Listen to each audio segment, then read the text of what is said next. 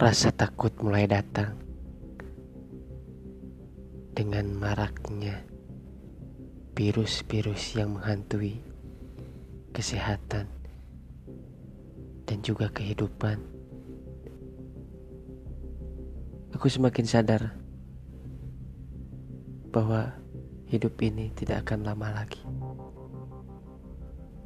Tapi yang aku takutkan adalah Bagaimana caranya aku bisa berbakti kepadanya